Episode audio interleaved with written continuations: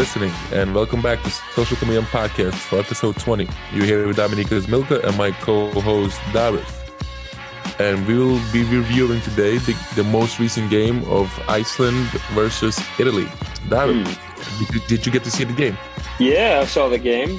Uh, Iceland missing Martin. We didn't know until until the until the starting lineups uh, showed up. Uh, a, a bit of a bit of a surprise. I mean, I think Iceland needed uh, everyone, and Martin is definitely, if not the best, uh, one of the two most important players for Iceland.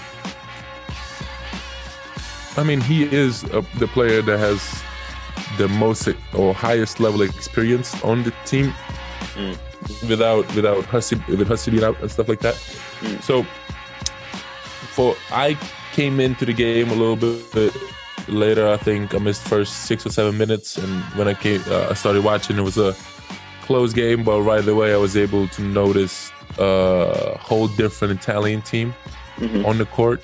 It, was, it, it felt like it felt like two two different teams from Mm. from the uh, two different halves. First halves, uh, Iceland in the game in Iceland versus the game in Italy. They were a lot more aggressive, the Italian team, from from minute one in that game than than in the previous game. Uh, you Yeah. could just feel it right away. They were much more aggressive offensively and defensively, Mm. and and you, uh, I mean, prime example is how you know how many times Italian guys were like they would just turn the ball like miss a shot or something would happen, and instead of pouting or, complaining to the ref, they sprinting back, chasing our small guards or Mm. Iceland small guards, chasing, hitting the ball from the back, uh, and then dive on the floor, getting the steal, and and and, and keep and keep uh, kept at it, you know, and kept playing.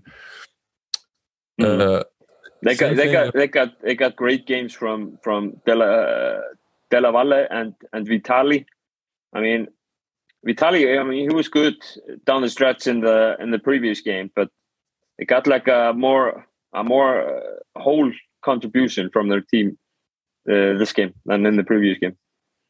Yeah, I think I think like the, the guys came out like the Italian guys kind of uh realized that Iceland is a good basketball team. Mm. I heard I heard uh that Italians didn't really even do a scout and stuff like that.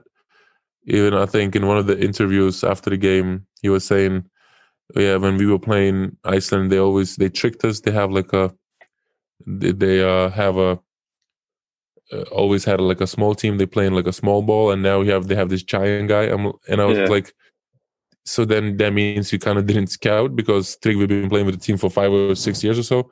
And But you it's know, a, it's definitely what, what they are referring to. I mean, Iceland used to uh, play a little bit differently when they had Hlynur and just a couple of years ago. Uh, but with Martin and and Tryggvi leading the way, I mean, definitely they will play a little bit different. They will uh, play to their advantages, especially to Tryggvi's. I mean, you can see how devastating he can be. I mean, he he by and large won the first game. Uh, so so Icelandics, even though Tryggvi has been on the team for some years, uh, they haven't always played maybe to his uh, his uh, his strengths like they are doing right now. definitely, you know, Iceland has they play many point guards and it helps Tryggvi to to blossom in that offense. And I think they do a great job finding him in a good spots for him. Uh, one main adjustment definitely the Italians did it was they started playing a little bit faster, more aggressive from outside. They end up shooting 50% from three, making 14 out of 28. And then Tryggvi had zero blocks, while the first game he had like five blocks, or I think Yeah. three or four in the first half. And you know they definitely learned, and you know they're they're a, they're a very good team, talented, and they played they played a, actually a new guy, Diego Flaccadori. I, I was surprised to see him on the court, Mm. and and the coach played like less. Uh, he he played, you know, he kind of adjusted. I think Italian coach because the first game he kind of was to me out to me out coached by Iceland, Iceland, or he Mm. maybe like like I was I'm I'm thinking he didn't get scout, he didn't do a good scout, and they they thought they're gonna come in and beat them easily. with Iceland easily. But in the second game, he had a much better plan, and, and the Italians were playing more aggressive on defense, more aggressive, mm. offensive, uh, aggressive offensively, and you know, in, they were always in attack mode. Uh, but then the second game, Iceland was, I mean, Elvar came out swinging. Uh, we got a 30 point game from from Elvar. Uh, Jón Axel was also, also good in that game. So uh, Tryggvi not not as uh, maybe not as not as good as the first game. I mean, but they were guarding him differently and, and everything. But uh, but I think the Icelandic team, uh, without Martin especially, uh, and and everything, uh, did a pretty good job in the in the second game, even though they lost, and even though it never really seemed like a close game uh, in the second half like like I said in our in last episode when we were reviewing and we we we showing I mean sharing our thoughts for the next game, I kind of knew this might be the case. Like I said, I said it was going to be a ten point game, and it was more than a ten point game for most of the second half. And mm. Iceland made a late push, made a couple of shots down the stretch when you know the game was kind of already over. Uh, it's very hard to play so well two games in a row, and especially when missing Martin. Uh, and and so emotional. You know, the first game was very emotional. We had you know we had the fans and and supporting and you know players showed so much and you know Iceland did their job. They needed to get you know split one one. They did that. They you know they got a win and historic win at home, and it's very hard to be get back up at that emotional level. You know, three days later and to have same performance and and have you know great uh, such a great game again. You know yeah. you can and italians you know come out and have five turnovers for such a high offense you know such a fast-paced team and such a you know, such a like you, like you said to me i pointed this out to you about, yeah I, po- I pointed this this thing out to you uh, about the five turnovers. You you said uh, it's a sign of a good team uh, which is basically the the difference between the Italian team in the first and the second game. They really showed showed up as a team in the second game, and those five only five turnovers uh, go to show go to show that they really they really they really protected their ball. I mean, this is only only one turnover per per quarter. That's uh, yeah. That's, it's not unheard of, but it's uh, almost never heard of. It's usually usually higher, maybe 10, 10 to 15. Yeah. And it's very important to uh, you know to see what type of uh, what type of a uh, turnovers are they you know because the first game they turned the ball over so many times where it led to wide open layups or easy mm-hmm. early transition shots for Iceland and you know Iceland is a smaller team you know the, they play Iceland plays a, a, a, smaller guard, smaller lineup besides Tryggvi, so they need to get some easier baskets. You know they need to play with you know speed and and and and if you don't get those easy baskets when a team doesn't turn the ball over or you don't get steals. It's much harder. It's much harder to score because you know Italian and every possession except Tryggvi, they they they are bigger. They have big guards, uh, you know, and like Della Valle was so good. Like I, like I said, I think I don't know if I said on the podcast, but I told you I think the first game Della, Della Valle should have played a lot more because I know him as a player. He's a very good player, and he was kind of I don't want to say schooling, but he was showing how to get to the line. He got to the line 13 times, I think 10 times in the first half. Mm. Is it's he's very talented at drawing fouls and you know jumping and shooting with confidence while guys are trailing him and I mean, it probably helped because you know the guys that were guarding him, uh, it, it, was probably Ægir and and, and. Elvar, who was smaller, who are smaller guards, and he's not going to get blocked from behind, but he was able to draw. I don't, know, I don't know how many six, seven fouls to get 13 free throws, and which is more than half of the free throws of the team. Yeah, it got got to the line a lot. Uh, made 12 yeah, and made, yeah Exactly, and made four threes. He, you know, he was definitely the difference in the game. I think between the first game and the second game, he was very aggressive uh, offensively. Uh, I mean, but I think this this showing as a whole. I mean, the first game uh, uh, the previous game on on Thursday uh, to win that one and to get this performance from from Tryggvi and performance from from everybody uh, almost on the team and to have this performance in the second game as well even though they did not win it was without Martin. Uh, great contributions. I mean Elvar had a great game but uh, also uh, I Jón Axel and Pavel good, Pavel was good both games. Uh, and Tryggvi was good in the second game as well. Uh, there's a, there's a, lot of optimism, I think, about this Icelandic team because, uh, like we spoke about last time, uh, those who are carrying the, the torches for them are uh, hitting their prime. Uh, Iceland look, looks good in this in this qualifying group right now, uh, and we can we can look forward to the to the next three or four years or five years for this Icelandic team. I think. I think the most important thing that I can personally take away from this game uh, that speaks to me to Iceland's uh, four o'clock. Uh, future uh, is that they did never gave up in the game. You know, they mm. they've been I think they've been down as much as maybe 20, almost 20, yeah, 18 yeah. points. And it's very easy at that point to kind of say, hey guys, we got the win already. We, you know, this doesn't really matter. The point difference won't matter because you know we won by two.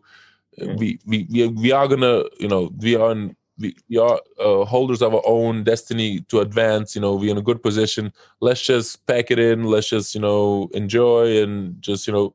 And the guys never gave up. They kept fighting, and they were able to pull it as close as six, I think, down the stretch. And yeah, maybe you know, and then if, like you said, if Martin plays, you know, he first game he had I think like 17 or like 20 points and seven assists. So that's a, you know, it was right good. It was really good, and it's also, I mean, the the amount of attention the Italian defense has to, as to the energy they have to have to spend to guard Martin. It's also also something, even yeah, though he of, doesn't. Of course, he's but yeah, yeah, like I said, he has the he has the most experience at the highest level on this team. He's a leader. He's a you know just you know he doesn't have to shoot the ball particularly well, score much, but like you said, he has a great um, you know leadership on the court, and I think his his connection with Tryggvi is good, and it gives him another ball handler, another creator, which you know Elvar had thirty, so I had to do a lot of creating because you know because they were missing one of the you know obviously the mm. guys. But, I, uh, I think for the, I think it next, helps. Sorry. Go ahead. Go ahead. You fine. For the next phase of the competition, which is, uh, I think uh, Iceland's group is going to. We are going to get Spain into the group, going to get Ukraine and Georgia into the group. Those three teams. Uh, okay. So, assuming Russia will not be able to play any games uh, if they are disqualified, which which I don't know what's going to happen. I mean, things seem to be happening uh, rather quickly these days. But if they are not uh, able to go forward, then then Iceland will be in the one or two seat of the of this of this group they are in right now, and then they will have to just basically just beat out uh, the Netherlands, Georgia, or Ukraine. Uh, these are pretty good teams, but we, there is a there is a path there for Iceland to go to the World Cup, which has never we have never seen that before, not like this. I I think there's a yeah, there's a lot of chance. I think it's very important uh, uh, to get that in a you know in the last two games to get that win against I think uh, Netherlands. Netherlands. Yeah, yeah, because those some of those points carry over. I believe it's mm-hmm. a uh, so yeah. it's very important game coming up, and I, I, like like we don't know what's gonna happen in Russia, but like I assume if this continues or even if it ends, you know, next week, I think they're still gonna have sanctions from sports because uh, the way it looks, the world is kind of uniting behind mm-hmm. Ukraine, and and they, if nothing drastic changes, I mean, it's still a lot of time. I think its next round is in July, so it's uh, six, seven months uh, till that. Uh, oh no, four months yeah. till then. Uh, It's in the start of July. Uh, I think it's the first and fourth of July. I think they play Russia. Are supposed to play Russia in the last game of this round or, or this uh, group uh, on the fourth of July. Uh, okay, what do you think happens if Russia is allowed to play and Iceland has to play uh, Russia? Do you think Iceland will play? no, I, I, I don't I don't think so. Uh, I mean, this is this is more than just an invasion of Ukraine. This is a this is this is, a, it's an invasion of a of a of a of an independent democratic, but also they are the I mean they are threatening the likes of Finland and, and Sweden. Uh, they're basically yeah and Lith- yeah of course and of course Lithuania, but I'm, I'm saying Finland and Sweden because those are a part of the Nordics. Uh, but yeah, they are basically threatening uh, the whole whole Western uh, hemisphere. Yeah, I think uh, things like this, like I mean, if this would end today, if if they would back down, and it would end today, uh, the game in July, I don't know about it, but th- this is not looking at like it will end uh, today or or next week for that matter. Yeah, to me, what's happening in Ukraine, it's in like it's it's something that you should not forget or forgive easily. Mm. Uh, like to, I know. Don't get me wrong. There's probably half or, or more of people in Russia who are actually against this, against what's going on, and it's the leadership that is doing that, and obviously they have supporters, but there's a lot of good people there in Russia as well who are against it because they do have, you know, it's like brothers fighting brothers. It's kind of like if Denmark decided to come back to Iceland and say, "Hey guys, you part of us now again," which even though you know we gave you freedom or freedom, but you were yeah. independent seventy years ago, now you you have to become under Denmark, Denmark again. Mm. It's kind of like that, and you go to war. It's kind of like like same people fighting each other. Like like my dad said it best. You know, the grandparents fought in a Great War, the mm. fathers fought in in a World War Two, or or and now the brothers are fighting each other, kind of. So it's very scary. And I think like sports, FIBA should take a stand. And if they don't, I I would support Iceland not playing that game, but yeah. that's up to the. But I think in, FIFA, the the the football uh, international organization, they uh, said yesterday that, that Russia would not be able to play home games. They would not be able to use their flag or the national anthem. Uh, but then uh, the states Poland. themselves, mm, yeah, yeah, Poland, uh, Sweden as well. Uh, I don't, uh, can't recall if it was any other, probably might um, or might have been. Uh, said we will still not play those games, even though they do not use their flag, not on their home court, and without the national anthem. Just this yeah. So FIFA today made another press release saying uh, nobody is supposed to play, uh, will be made to play Russia. It's funny, like we know. I mean, from my understanding, FIFA is one of the most corrupt sports organizations in the world, hmm. or have been at least in the past. I don't know how it is now. I'm, I'm not the biggest, uh, you know, soccer fan or football fan, but they're trying to play both sides, and hmm. they are because they want the money, kind of like what EuroLeague is doing too. EuroLeague is saying, "Hey, Russian teams can play in uh, just they can play in Russia." But like teams like Žalgiris, who kind of stand more like Lithuanian teams who who are making a stand more now, they're risking of getting thrown out of EuroLeague just because there's more things like to like I always say basketball is great, sports are great, but end of the day is a game. There's more to life. There's more to the world. There's more to that than a game. And sometimes you make, have to make a stance. Like uh, many Lithuanians, I think all Lithuanians that played in Russia. We had a, a player in CSKA. We had a coach and, and a couple more players in a uh, Perme uh, team. They all left. They voided their contracts. Basically, they're losing out probably on hundreds of thousands of euros of left of their contracts. But they're saying, hey, at least now we're making a decision when where, where we can sleep well at night and they all leaving i think half of the I believe half of the CSKA team left. You know, uh, Tornike Shengelia or mm-hmm. the, the guy Lundberg from the Danish guy, he left.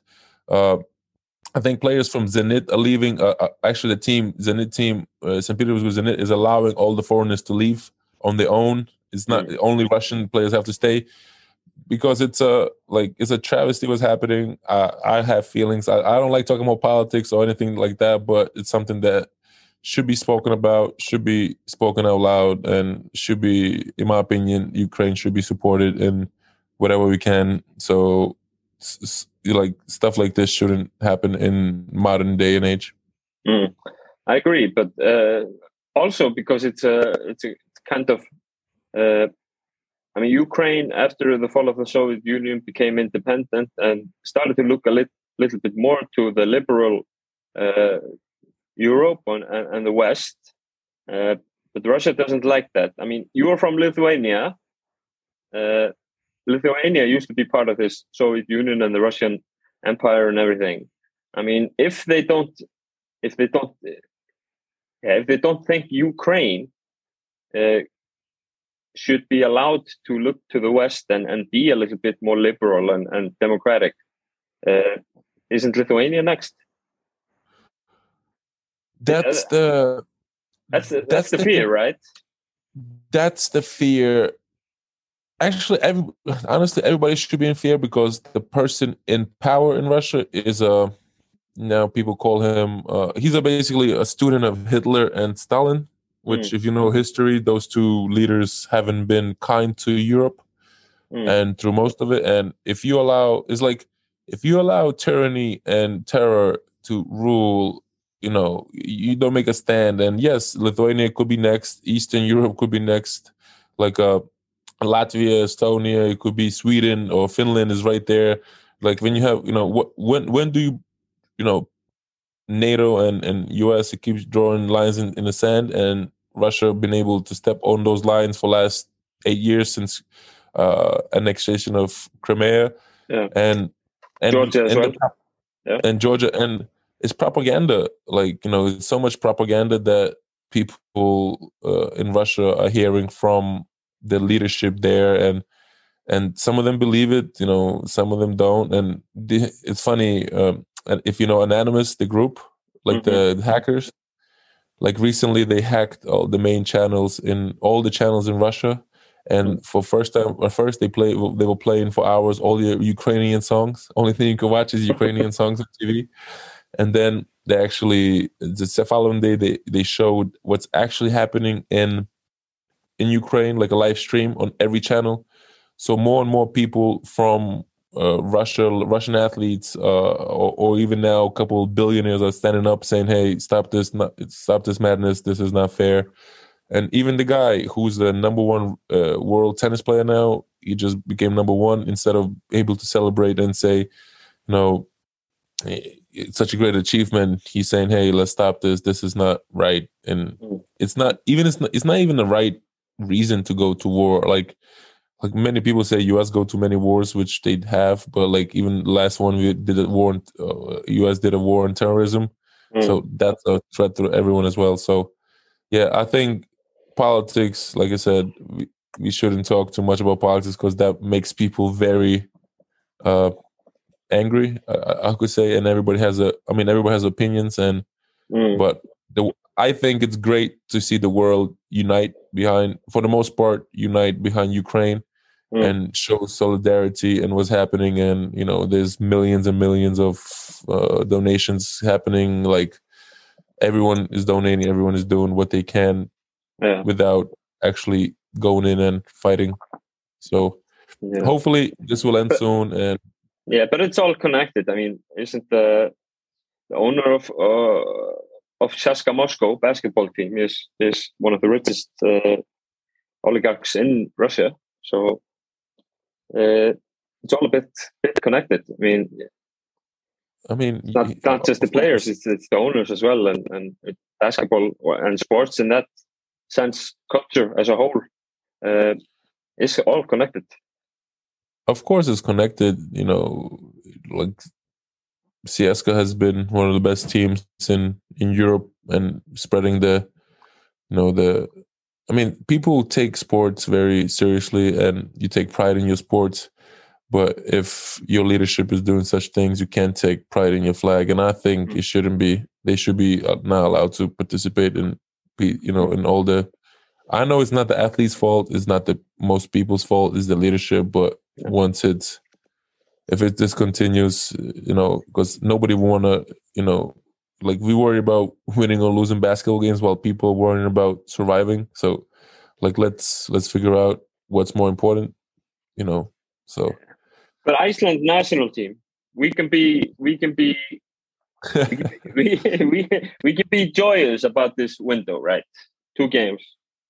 Yeah. A lot, a lot of good good showing from our our, our players. Absolutely. I think uh, what I was gonna say earlier, like it's great. Even it's good that I mean, maybe it's good thing to take from Martin not playing second game. The more mm. a couple more players got a little bit more minutes, more experience for the future. Which every minute at this level against such a good team as Italy, it's you know val- valuable and to learn and and and to be you know for the future of Iceland. It's a I think every time you can make history, it's a great time. You know, for the positive things you make history, it's a great time for the country and for the the sport of basketball in Iceland. Okay, this is uh, we covered everything from Iceland we got into we got to a little bit into politics. Uh, so we'll be back soon with a with a special interview or interview with special guests coming up soon and.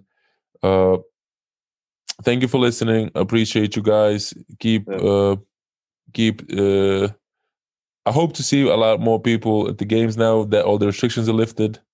And uh see you soon. Keep listening. Send me a message if you want. You know, if you want to have hear from any special guest that will be interesting, or you have any questions for me or David or anything like that, you can reach me at Social Chameleon Podcast uh, or at my personal at Get Stronger Baby uh, or even reach out to David on his socials yeah. and he'll send me the message. Thank you. Bye. Bye.